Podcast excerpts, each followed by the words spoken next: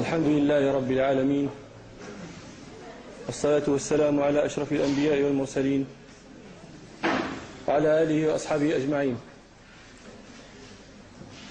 فضل العلم وفضل أهله معروف لا يجحد مشهور لا ينكر. يكفي طالب العلم أن ينظر في مثل كتاب ابن عبد البر رحمة الله عليه جامع بيان الفضل بيان العلم وفضله ليروى بعد ظمئه وليعل بعد نهله. وقد كنت ذكرت طرفا من الآيات والأحاديث المتعلقة بهذا في محاضرة مضت. لكن الكبريت الأحمر وبيد الأنوق أن يظفر الطالب بالأسوة التي يرى فيها تلك الآيات شاخصة وتلك الأحاديث بارزة. فمهما ثقفها الطالب ولو كانت مناط الثريا فلا يدعها الأسوة في باب التعليم ضرورية. كلكم إن شاء الله يعلم. قولة أم مالك لمالك. لما هيأته ليذهب إلى مجلس ربيعة بن أبي عبد الرحمن المشهور بربيعة الرأي. وقالت له يا بني خذ من أدبه قبل أن تأخذ من علمه. ولذلك ذكروا في آه، من حكم كون الرسل من جنس المرسل إليهم. تعلمون أن الأقوام الذين بعثت إليهم الرسل كانوا يطلبون رسلا ملائكة. وإنما كانت تأتيهم الرسل وقال وقالوا لولا أنزل عليه ملك ولو أنزلنا ملكا لجعلناه رجلا. ولو جعلناه ملكا لجعلناه رجلا ولبسنا عليهم ما يلبسون. ذكروا من حكم كون الرسل من جنس المرسل إليهم أن يتأتى الائتساء بهم. الله سبحانه وتعالى يقول في سورة يوسف وما أرسلنا من قبلك إلا رجالا يوحى إليهم من أهل القرى. وقال في سورة النحل وما أرسلنا من قبلك إلا رجالا يوحى إليهم. فاسألوا أهل الذكر إن كنتم لا تعلمون. وقال في سورة إبراهيم قالت لهم رسلهم إن نحن إلا بشر مثلكم. ولكن الله يمن على من يشاء من عباده. وقال في سورة الكهف قل إنما أنا بشر مثلكم يوحى إلي أنما إلهكم إله واحد. فمن كان يرجو لقاء ربه فليعمل عملا صالحا ولا يشرك بعبادة ربه أحدا. وقال في سورة فصلت قل إنما أنا بشر مثلكم يوحى إلي أنما إلهكم إله واحد. فاستقيموا إليه واستغفروه ويل المشركين هذه الآيات وما في معناها تنص على مثلية الرسول إلى من أرسل إليه. لماذا؟ لتمكن الأسوة. مع أننا نقول هذا آه، يعني كونه كون الرسل مثل من أرسل إليهم. هذا يجليه أحد العلماء فقال بقوله وعدنا الرسل من جنس البشر كعدنا الياقوت من جنس الحجر. ولذلك كان مما رد به العلماء على النصارى ادعاءهم ألوهية المسيح عليه السلام أنهم قالوا الرسل تبعث للاقتداء والنصارى زعموا أن المسيح عليه السلام إله أو ابن إله. النصارى ليسوا وتيرة واحدة وليسوا معتقدا واحدا. وليس ليس كل النصارى يعتقدون التثريث لكنهم لا يخلون إما عن أن يقولوا هو إله أو هو ابن إله. رد عليهم العلماء بقولهم كيف يمكن الاقتداء بابن إله؟ لو قيل افعلوا كما فعل المسيح لكان للنصارى حجة أن يقولوا ومن يستطيع أن يفعل. مثل ما فعل وهو إله أو ابن إله. فكان هذا مما رد به علماء المسلمين على النصارى هذه الدعوة. لما تقدم من أهمية الأسوة رأيت أن أذكر لكم بعدما وقع للعلماء مع العلم لتري العزائم وتحكم الصرائم. ويجري منجردك أيها الطالب فلا يكبو وتأجج ناره فلا يخبو.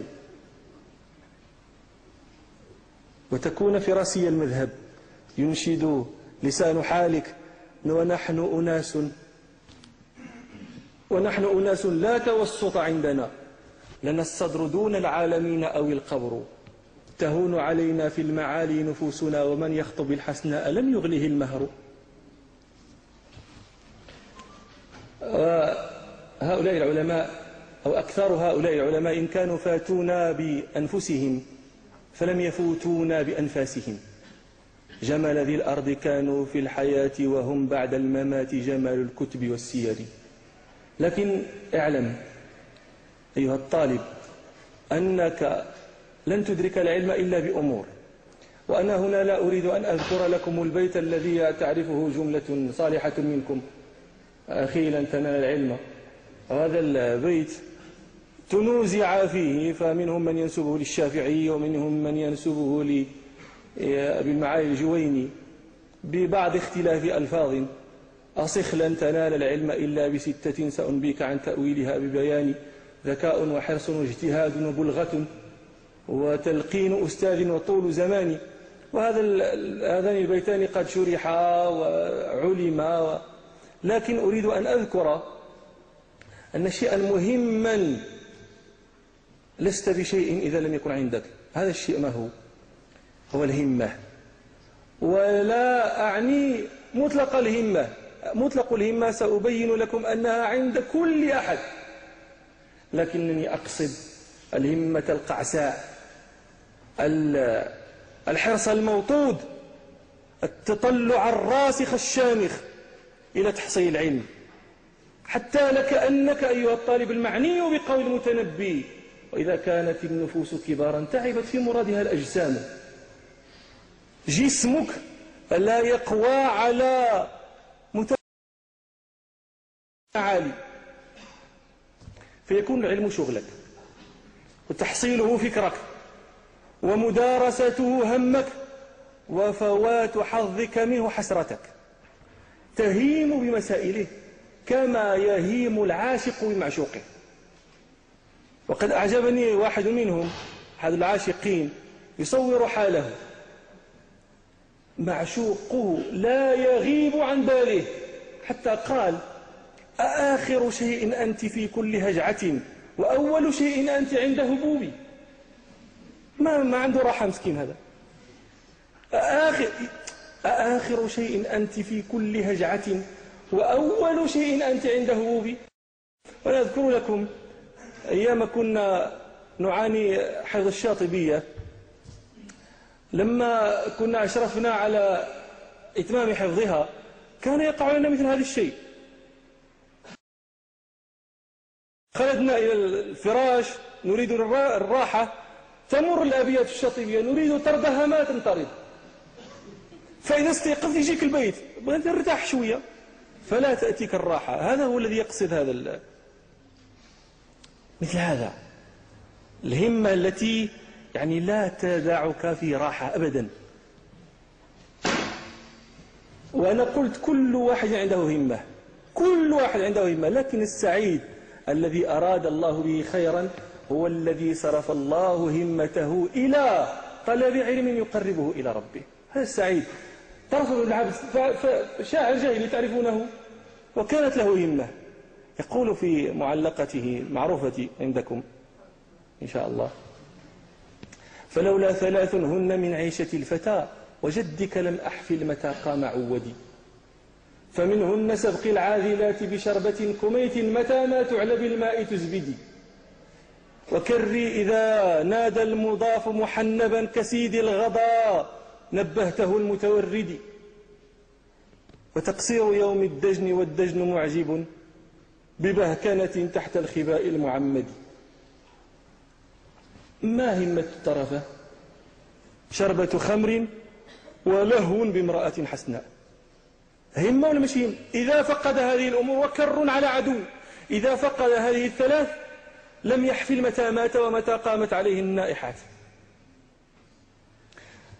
امرؤ القيس تعرفون قصته وأن أباه كان ملكا وكان هو يعاقر الخمر ويقول الشعر والعرب في عهد امرئ القيس كانت تأنف من أن يقول أشرفها الشعر.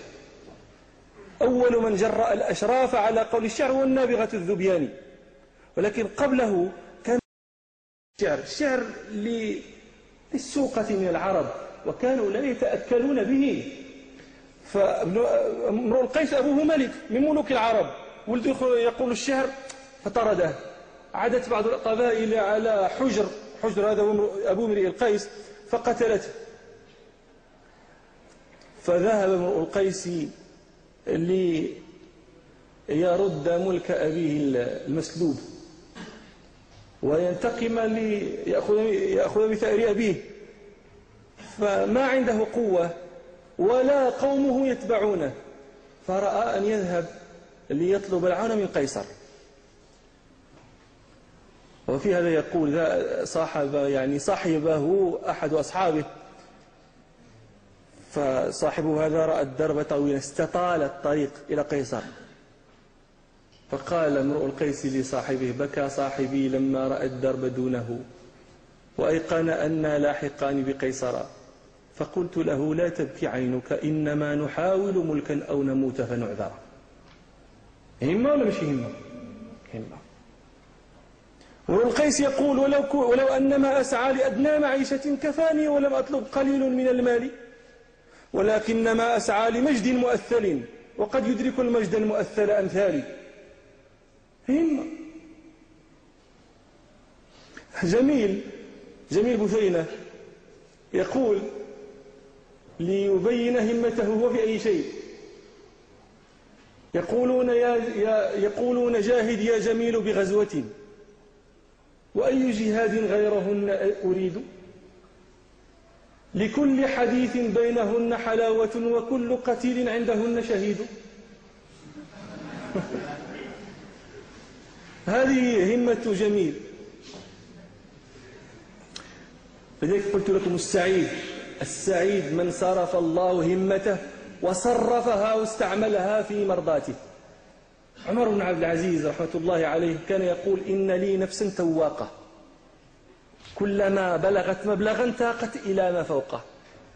فتاقت نفسي إلى الإمارة. فكان أميرا على المدينة. فلما بلغتها تاقت إلى الخلافة. فولي خلافة بن سليمان بن عبد الملك. فلما أدركتها تاقت إلى الجنة. الهمم. وخوطب أحدهم في اجتهاده عوتب في اجتهاده. فقال لهم لقد كانت الدنيا ولم أكن فيها وستكون ولا أكون فيها ولا أحب أن أغبن أيامي.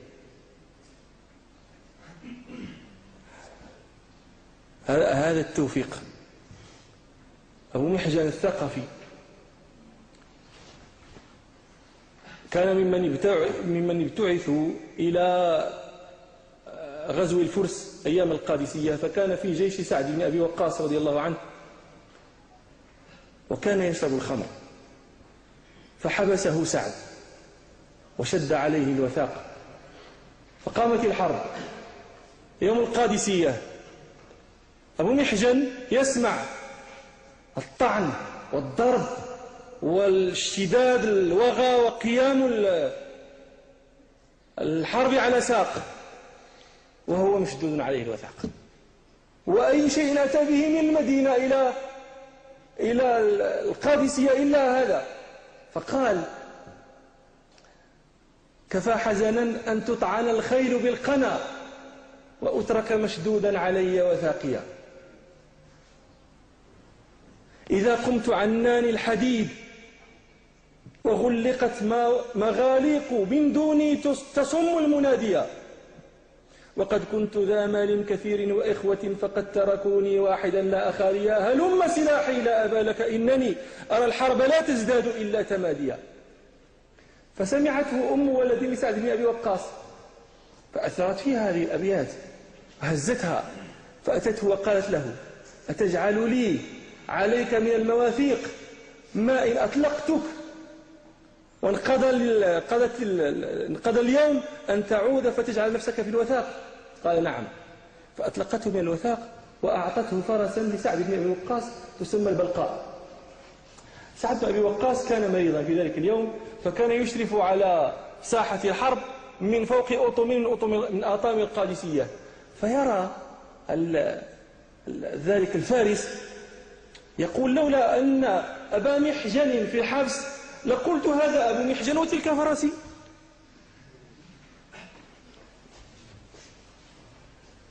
رجع فأخبر أخبرته أم ولده بما فعلت فأعجبته بطولته في ذلك اليوم فقال سعد لأبي محجن والله لا حبستك فيها أبدا. وقال له أبو محجن وأنا والله لا شربتها أبدا.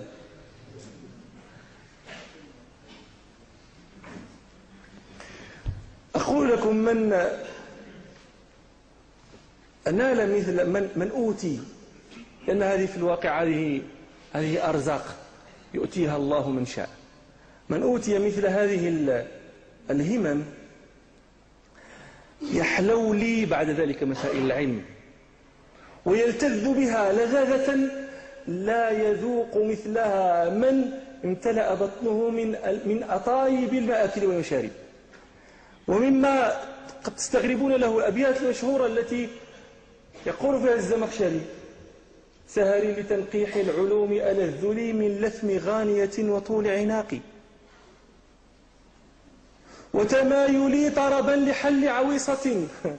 إذا حل عويصة من, من, من عويص العلم يتمايل طربا.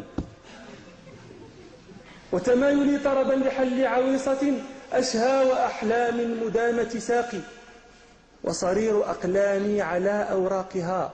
القلم كان من قصب يكون له صوت.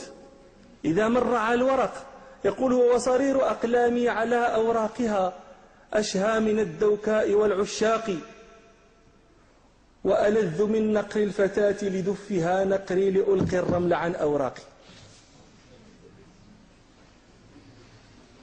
وألذ من نقر الفتاة لدفها. نقري. لألقي الرمل عن أوراقي. أأبيت سهران الدجى وتبيته نوما وتبغي بعد ذاك لحاقي.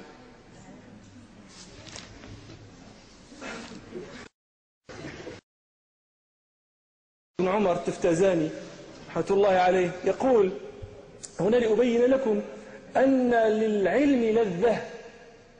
لا أدري أدركها بعضكم أم لم يدركها.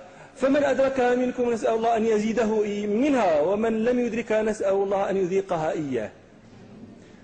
تفتزاني يقول إذا خاض في بحر التفكر خاطري.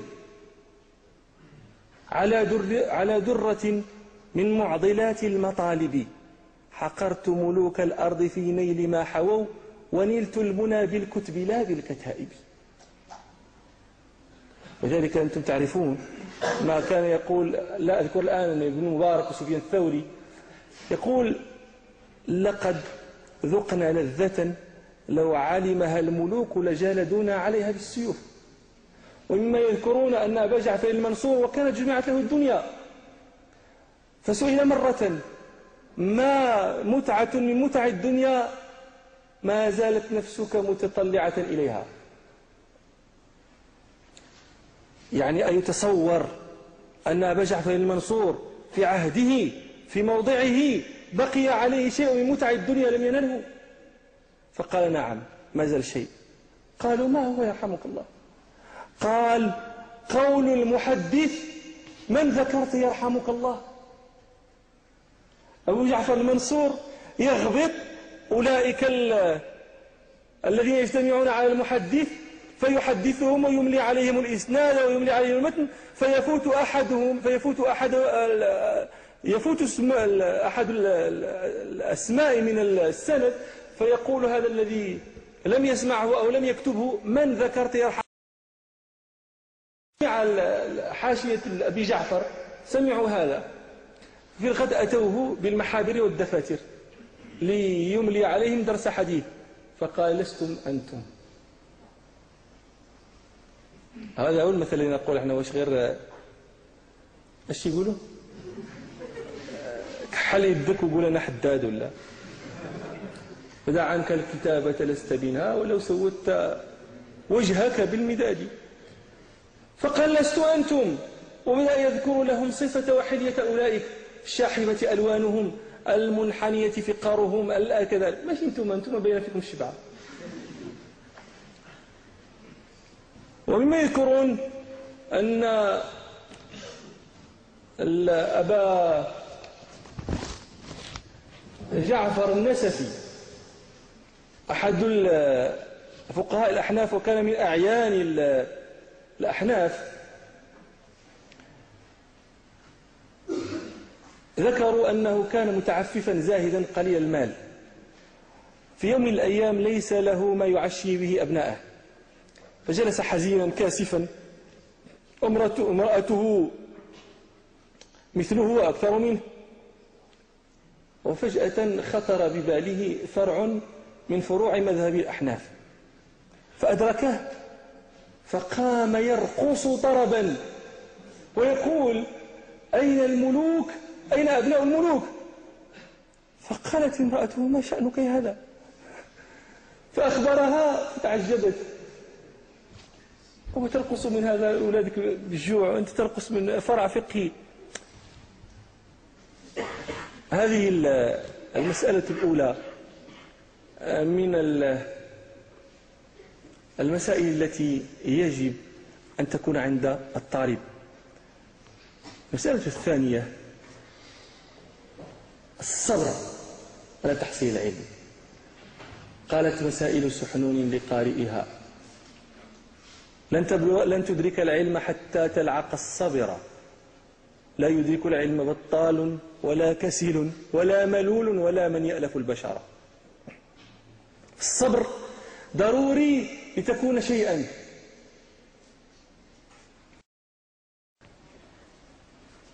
نظرت في الأثر الذي يرويه البخاري في الصحيح لما ذكر أن جابر بن عبد الله رضي الله عنهما رحل إلى عبد الله بن أنيس مسيرة شهر في حديث واحد.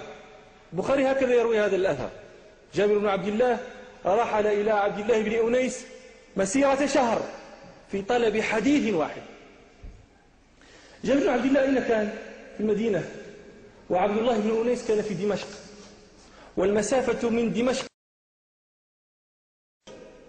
قرابة ألف وخمسين كيلومتر. يعني تقريبا من طنجة إلى تحت من أكادير من طنجة إلى أكادير 900 كيلومتر. إلى زقموز. مسيرة شهر في طلب حديث واحد. يذكر القاضي عياض. في كتاب المدارك في ترجمة عبد الله بن فروخ القيرواني. هذا ينسب أيضا أبا حنيفة. قال يحكيه هذا عبد الله بن فروخ قال أتيت الكوفة وأغلى أملي السماع من سليمان بن مهران الأعمش. أنا عددت المسافة بين الكوفة والقيروان. وجدتها أكثر من ثلاثة آلاف كيلومتر.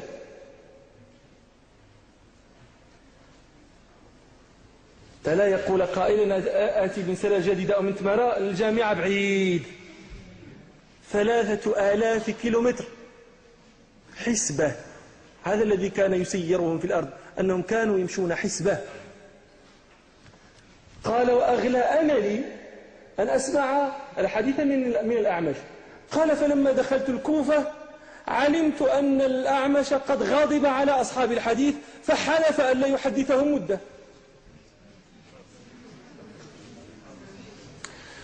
قال فكنت أجلس على باب داره لعلي أدخل عليه فلا أصل إلى ذلك لا أقدر عليه. قال فبينما أنا في يوم من الأيام جالس على باب دار الأعمش وأفكر في مصيبتي وأنني حرمت السماع منه وأنا ما أتيت من الكوفة من القيروان إلا لهذا. قال فخرجت جارية من بيته فوجد فوجدتني في آه، العتبة فقالت ماذا تفعل بي في باب دارنا؟ فقلت أنا رجل غريب وأخبرتها قصتي. فقالت وأين بلدكم؟ فقلت إفريقية. قال فانشرحت إلي. وقالت أتعرف القيروان؟ قلت أنا من أهلها. قالت أتعرف دار ابن فروخ؟ قال أنا هو. قال فتأملتني وقالت عبد الله. فقلت نعم. فإذا هي جارية كانت لنا بعناها صغيرة. فدخلت على الأعمش وقالت له سيدي الذي كنت أحدثك عنه بالباب فأمرها فأدخلتني فاكترى لي دارا قبالة باب بيته وصار يحدثني ولا يحدث أصحاب الحديث.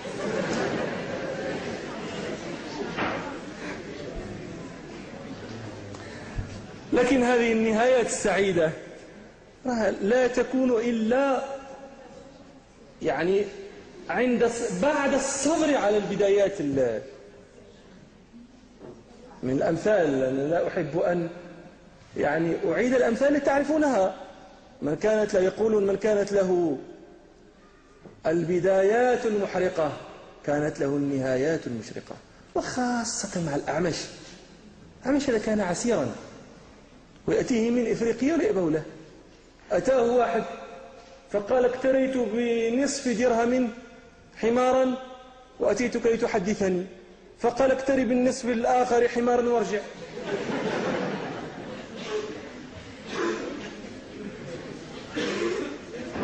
هذا عبد الله بن فروخ يذكر المالكي.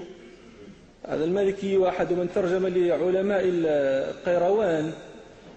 قال في ترجمة عبد الله بن فروخ كان في مجلس أبي حنيفة فسقط حجر من سقف أبي حنيفة على رأس عبد الله بن فروخ فأدماه. فقال أبو حنيفة اختر إما الأرش أو أحدثك ثلاثمائة حديث. فقال عبد الله بن فروخ الحديث فحدثه. ولذلك يذكر ابن الجوزي في ترجمة الإمام أحمد أنه طاف الدنيا مرتين حتى جمع المسند.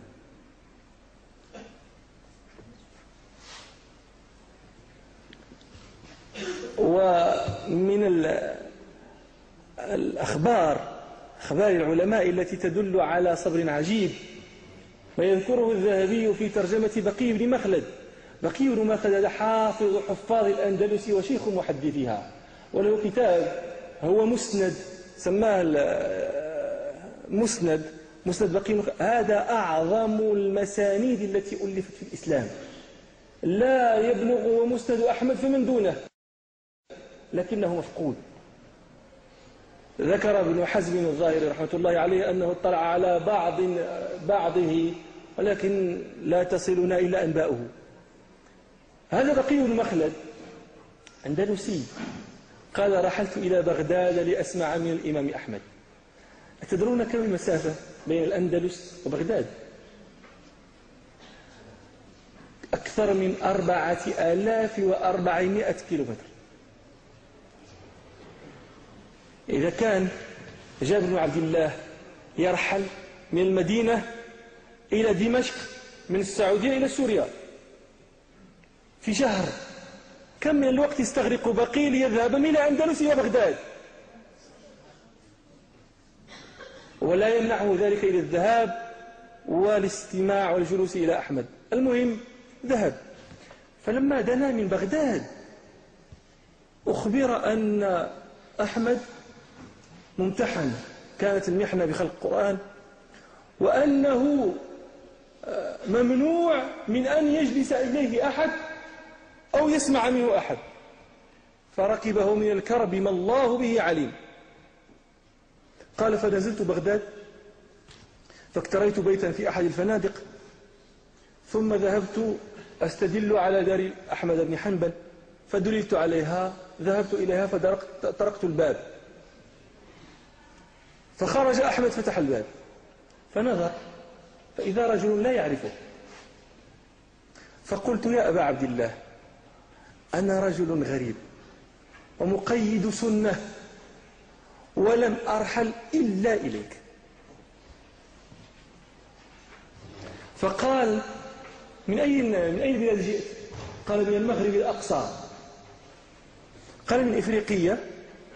أحمد هنا في قال إفريقية؟ قال أبعد من ذلك. أجوز إلى إفريقية من بلدي البحر الأندلس. فقال له أحمد إن موطنك لبعيد وما كان شيء أحب إليه من أن أسري فطلبه ولكن لعل لكنني ممتحن بما قد يكون بلغك قال بلغني. يجلس أحد؟ فلا يستطيع أن يجلس أحدا. طيب بقي المخلد صنع كل هذا ليرجع. أول مرة كنت ذهبت فيها إلى محضرة الشيخ محمد سالم العدود هذه المحضرة تبعد قرابة 68 كيلومتر عن نواكشوط لكن 60 كيلومترا هذه في الطريق وثمانية كيلومترات هذه في الصحراء.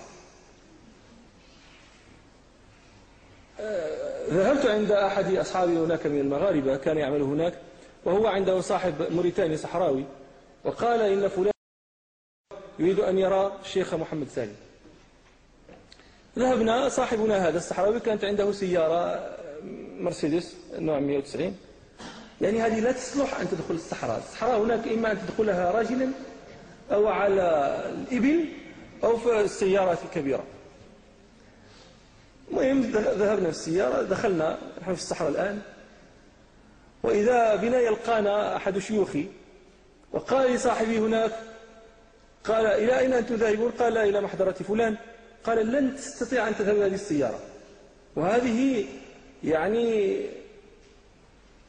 لا تغامر بها لأنه السيارة ما تصلح للصحراء ثم إن الطريقة التي تسلكها مثل سيارتي أفسدها الشاحنات الكبيرة أفسدت تلك الطريق.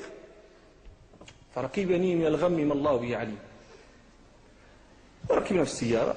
وهذا صاحب السيارة بدأ يعني سيرجع قهقرا فقال له المغربي ماذا تفعل؟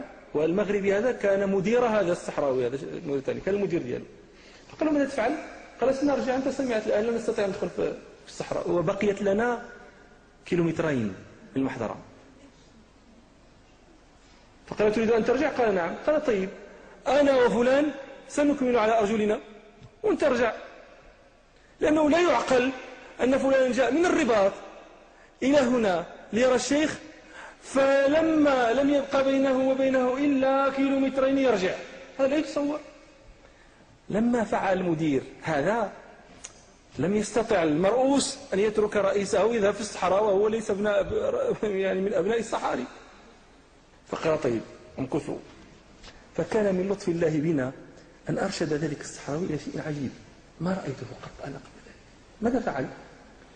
شرع كيف نقول تيفش عجلات ال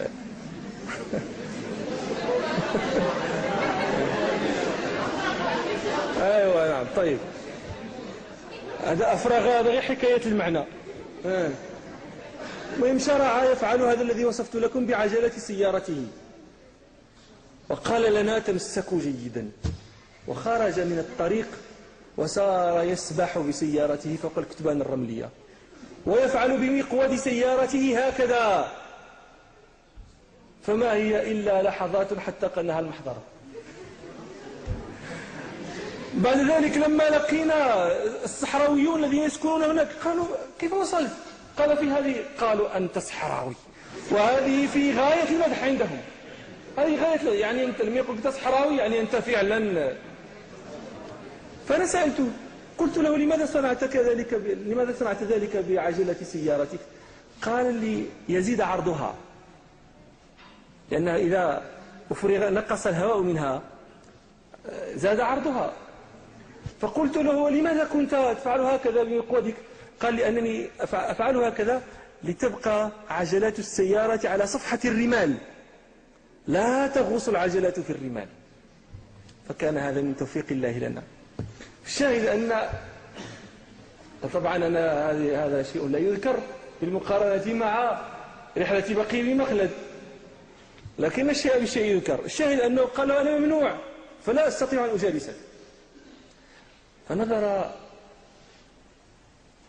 بقي بن مخلد وقال يا أبا عبد الله أنا رجل غريب ولا يعرفني الناس هنا. أحمد لما لما خرج إليه نسيت أن أقول لكم أن أحمد لما خرج إليه يعني لم يحدثه على باب باب الدار لكن أدخله إلى ممر ممر يكون بين باب الدار وبين البيوت وال فأدخله هناك وبدأ يتكلم. قال يا أبا عبد الله. يقول بقي بن مخلد. يا أبا عبد الله أنا رجل غريب لا يعرفني الناس هنا. فلو لبست زي السؤال زي المساكين وآتي في كل يوم وأقول كما يقول أهل المسألة فتدخلني هنا وتحدثني. لو حدثتني حديثا في كل يوم لاكتفيت. فقالوا أحمد بشرط أن لا, تدخل لا تأتي حلق العلم ولا إذا ارتدت حلق العلم ورآك المحدثون سيعلمون أنك طالب حديث. فقال لك شرطك. فقال فكنت في كل يوم أعصب خرقة على رأسي وأجعل عصا في يدي وآتي دار أحمد بن حنبل وأقول الأجر يرحمكم الله. وكان السؤال يفعلون كذلك في بغداد. قال فكان يخرج إلي أحمد ويدخلني في ذلك الموضع ويحدثني بحديثين أو ثلاثة فبقيت على ذلك حتى حدثني ثلاثمائة حديث. قال ثم رفع الله المحنة عن أحمد. مات ذلك الذي كان امتحنه وولي بعده ممن أظهر السنة. فطار صيت أحمد وصار على أعناق الرجال وامتلأ مجلس الناس بالمقبلين عليه. فكان يعرف لي صبري أيام محنته. ويقدمني ويجلسني بجنبه ويقول لطلبتي لطلبته هذا يطلق عليه اسم طالب العلم هذا. قال فما ففقدني أحمد من مجلسه. فسأل عني فأخبر بعلتي فقام من فوره يعودني قال فأنا في الفندق إذا, إذا بأسمع رجة في الفندق والناس يقولون ها هو ها هو ها هو. انظروا إمام المسلمين ها هو. قال وأنا كنت في ذلك لأنه غريب. يتوسد كتبه وعليه حصيرة تحته حصيرة. قال فلما دخل علي أحمد بن حنبل ودخل أصحابه وكلهم بأيديهم الكتب والدفاتر يكتبون ما يقول أحمد. وقد حدثني الشيخ مصطفى النجار حفظه الله وبارك في عمره. أنهم كانوا يدرسون على إمام الحضرتين إمام العدوتين الشيخ سيدي المدني بن حسني رحمة الله عليه وكان أحد الطلبة لا يفيت كلمة تخرج من من في الشيخ. كلما نطق الشيخ بكلمة كتبها ذلك الطالب. فقال له مرة الشيخ أنت كمثل الحفظة تكتب لفظا لفظا فقال الطالب وهذا أيضا مما يكتب وكتبه شاهد أن دخل الإمام أحمد والتلاميذ خلفه وبأيديهم المحابر والدفاتر يكتبون ما سيقوله أحمد لبقي بن مخلد فزاره فدعا له ثم انصرف. قال فلم يبقى أحد في ذلك الفندق إلا خدمني. هذا يأتي بأكل وهذا يأتي بلباس وهذا يأتي بفراش قال لزيارة الرجل الصالح لي.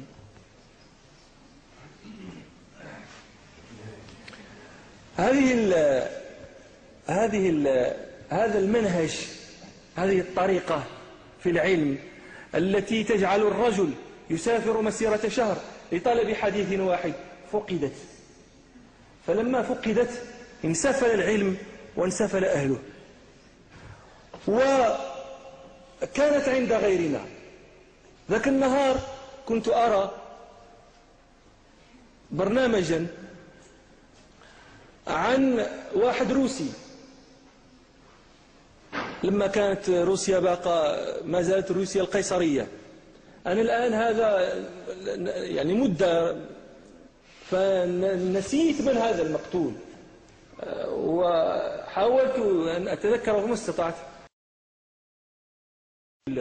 أحد قياصرتهم المهم أذكر واحد من شخصيات بارزة قتل. مات مقتولا في التاريخ أنه قتل قتله فلان من الناس. واحد باحث إنجليزي.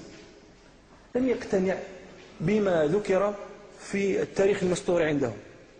فقرر أن يبحث في من قتل فلان. هذا أين قتل؟ قتل في روسيا. الباحث فين؟ في بريطانيا. فسافر إلى روسيا. وبدأ يبحث مشى لموسكو مشى سان بيترسبورغ اللي هي الآن مسمى لينينغراد أو ستالينغراد لا أدري. فبحث الناس ودخل في الأرشيف. هذا كله تحتاج أموالا. تنفق. ما بلغ إلى شيء يقنعه بمن قتل. ولكن أشياء خيوط تظهر له. أشعة في ذلك الظلام.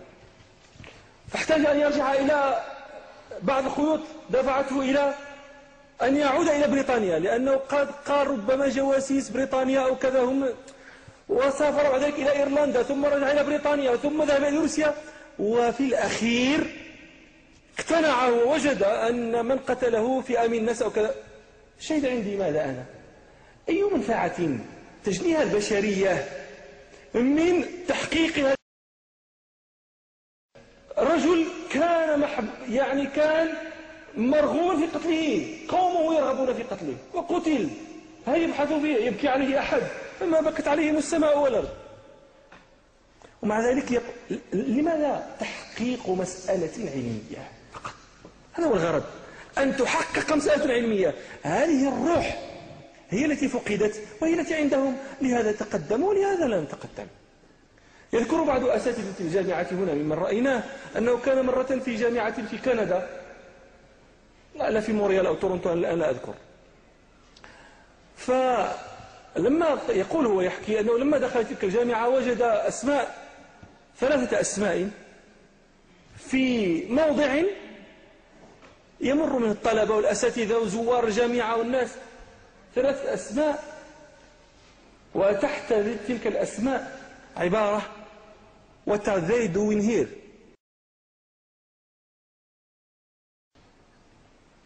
فسأل صاحبي أستاذا كان معه من يدرس هناك قال ما خطب هؤلاء؟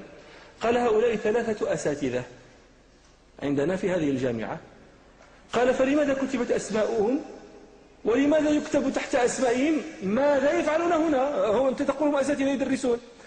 قال هؤلاء الأساتذة صار لهم عام لم يكتبوا فيه بحثا لم يصدر لهم بحث. فماذا يفعلون هنا؟ بمثل هذا يتقدم العلم. وانت لا تكتب بحث تكتب بحث وتعطيه تعطيه لمن لا عيد تقول انك كتبت بحث. لا بحث ينشر في مجلات محكمة. فيسلم لك. تزيد شيئا إلى كما يقول أستاذنا المعرفة البشرية. فأقول هذه الروح التي فقدت عندنا كانت عندنا هنا شو أنت جابر؟ مسيرة شاف حديث؟ يأتي عبد الله بن فروخ من القيروان الناس تأتي من العراق إلى مالك. مسألة. أنت الآن جارك عالم جارك لا تدق الباب. تجد ثمانية الليل ونعيط فوني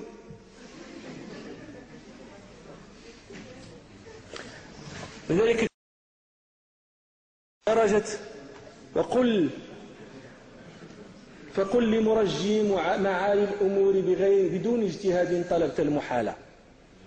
فقل لمرجي معالي الأمور بدون اجتهاد طلبت المحالة. ومما آه، كانت كان يتداوله بعض الفقهاء عندنا في بعض البوادي هنا في المغرب أبيات على نهج أبيات أهل البادية. فيها انكسار في الغالب. لكن لا يعني آه، يمنعنا انكسارها من ذكرها لما فيها من حكمة. يقولون وكل من لم يركب الأهوال ولم يفارق أهله أحوالا ولم تقطع رجله النعالا يطلب علما أو يصيب مالا فأعطه المرود والمكحلا وزد له الأقراط والحلالا ودعه أن يجالس العيالا فذاك لا يشابه الرجال. هذا كلام أهل البوادي. يا أهل الحواضر لكن أقول إذا كان الطالب لا يصبر وسرعان ما يمل فأنشده بيت الحطيئة. دع المكارم لا ترحل لبغيتها واقعد فأن فإنك أنت الطاعم الكاسي هذا البيت هاجى به الحطيئة الزبرقان بن بدر. من يقول في البيت؟ دع المكارم لا ترحل لبغيتها واقعد فإنك أنت الطاعم الكاسي معناه لا همة لك ترقى إلى طلب المعالي. همتك في أي شيء؟ هذه حالهم. فيقول لهم وهذه من أول الأبيات التي كنا سمعناها من أستاذنا فاروق حمادة حفظه الله. إذا كان يؤذيك إيش؟ كان يؤذيك حر المصيف وكرب الخريف وبرد الشتاء ويلهيك حسن زمان الربيع فأخذك للعلم قل لي متى فقل لمرجي معالي الأمور بدون اجتهاد طلبت المحالة. شيخي عبد الرحيم النابلسي حفظه الله حدثني أنه لما قبله شيخه عبد العزيز زيات رحمة الله عليه أن يقرأ عليه وكان الزيات رحمة الله عليه في المدينة وكان شيخنا ذلك حينئذ في مكة. وكان قرر له حصته بعد أذان الفجر في يوم من أيام الأسبوع. وهو يسكن في مكة. يعني يحتاج أن يرحل إليه ليلا. قال فكنت أرحل ليلا. وأصل يعني أصيب المدينة في أواخر الليل. فأصلي في المسجد النبوي ثم بعد صلاة الفجر أنا في بيت الشيخ لأقرأ عليه حصتي. وكانت آه، هذا المبلغ الذي يعطونه تعطيهم الجامعة ألف ريال في الشهر ألف ريال. قال كانت ثمانمائة ريال في الشهر عندي في التاكسي في الرحلة من مكة إلى المدينة.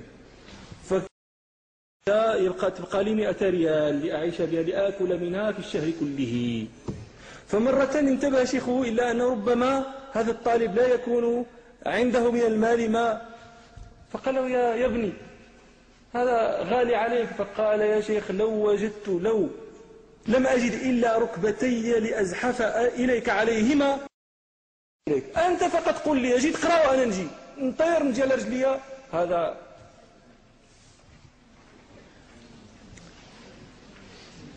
من الأمور التي يجب أن يتحلى بها الطالب ليدرك مأموله من العلم. هو, هو الإنفاق. بكل ما جادت يده في سبيل العلم يحيى بن معين يذكر يذكر ابن حجر في ترجمة يحيى بن معين في تهذيب التهذيب أن يحيى بن معين ورث من أبيه ألف ألف درهم. كم هذه؟ مليون درهم. ألف ألف درهم وخمسين ألف درهم. فأنفقها كلها في طلب العلم حتى لم يبقى عنده نعل يلبسه. ولكنه لما مات خلف مئة قمطر كتبا. قمطر خزانة صغيرة. مئة قمطر كتبا يخلفها. واذكر مرة كنت عند بعض من كان درس معي. وكان ممن يصر على أن أبيت عنده في بيته إذا كنت في تلك المدينة. فمرة طوعته فذهبت إليه. فإذا البيت في الواقع يعني مما لا يشجع على المكوث فيه. ولكن عنده أنه عنده خزانة كتب. خزانة كتب لا بأس بها. فقال لي آه، كان والداي يعطيانني كل شهر لما كان هو في بلد آخر يدرس. قال كان والداي يعطيانني في كل شهر ألف درهم لأعيش منها. فقال كنت أشتريها كتبا. وبقي لي قميص واحد مدة سنتين. وكان يشتري بتلك بذلك المال كان يشتري كتبا. أنا أقول لكم ألف درهم في عامين هي 24 ألف درهم. كم تشتري في الكتب هذه؟ لا تظنوا أن الكتب 24 ألف درهم تصنع لك خزانة. مرة أحد المشايخ في غير هذه البلاد قلت له آه، هل يكفي أن يأتي الطالب أسبوعا؟ ثم يرجع ثم يأتي عشرة أيام ثم يرجع يحصل شيئا؟ فقال لي عد, عد السنين إذا أردت تعلما. ودع الشهور فإنهن قصار. فالذي يريد أن تكون عنده مكتبة ما يعدش بالألف درهم ولا ألفين درهم. فالشاهد أن هذا كان ينفق ما كان محتاجا إليه. وبقيت له مكتبته وقلت الآن أنت تلبس الأقمصة وتلبس ما شاء الله وتساكن وتزوجت وولد لك. وعندك مكتبتك. وغيرك ممن كان ينفق في الأكل والشرب والقمصان ما عنده مكتبة.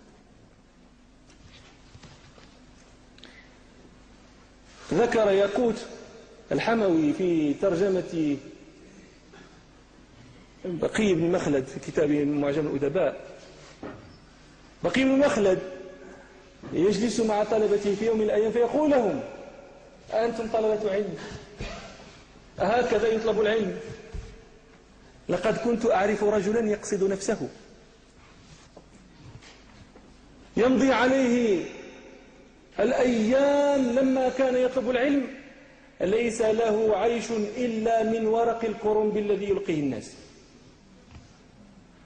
ويمر عليه وباع غير مرة سراويله ليشتري الكاغد إلى أن ييسر الله له ما يخلف به فيشتري سراويل يبيع السروال ليشتري الكاغد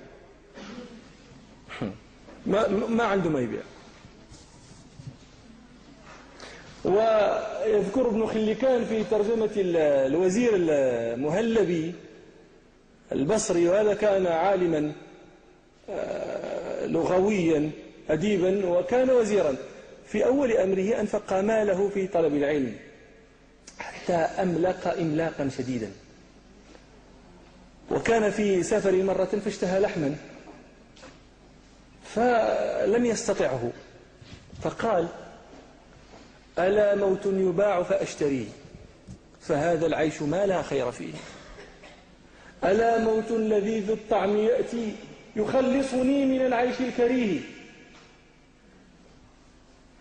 فكان معه هذا الرفيق اشترى لحما بدرهم وطبخه وأطعمه إياه.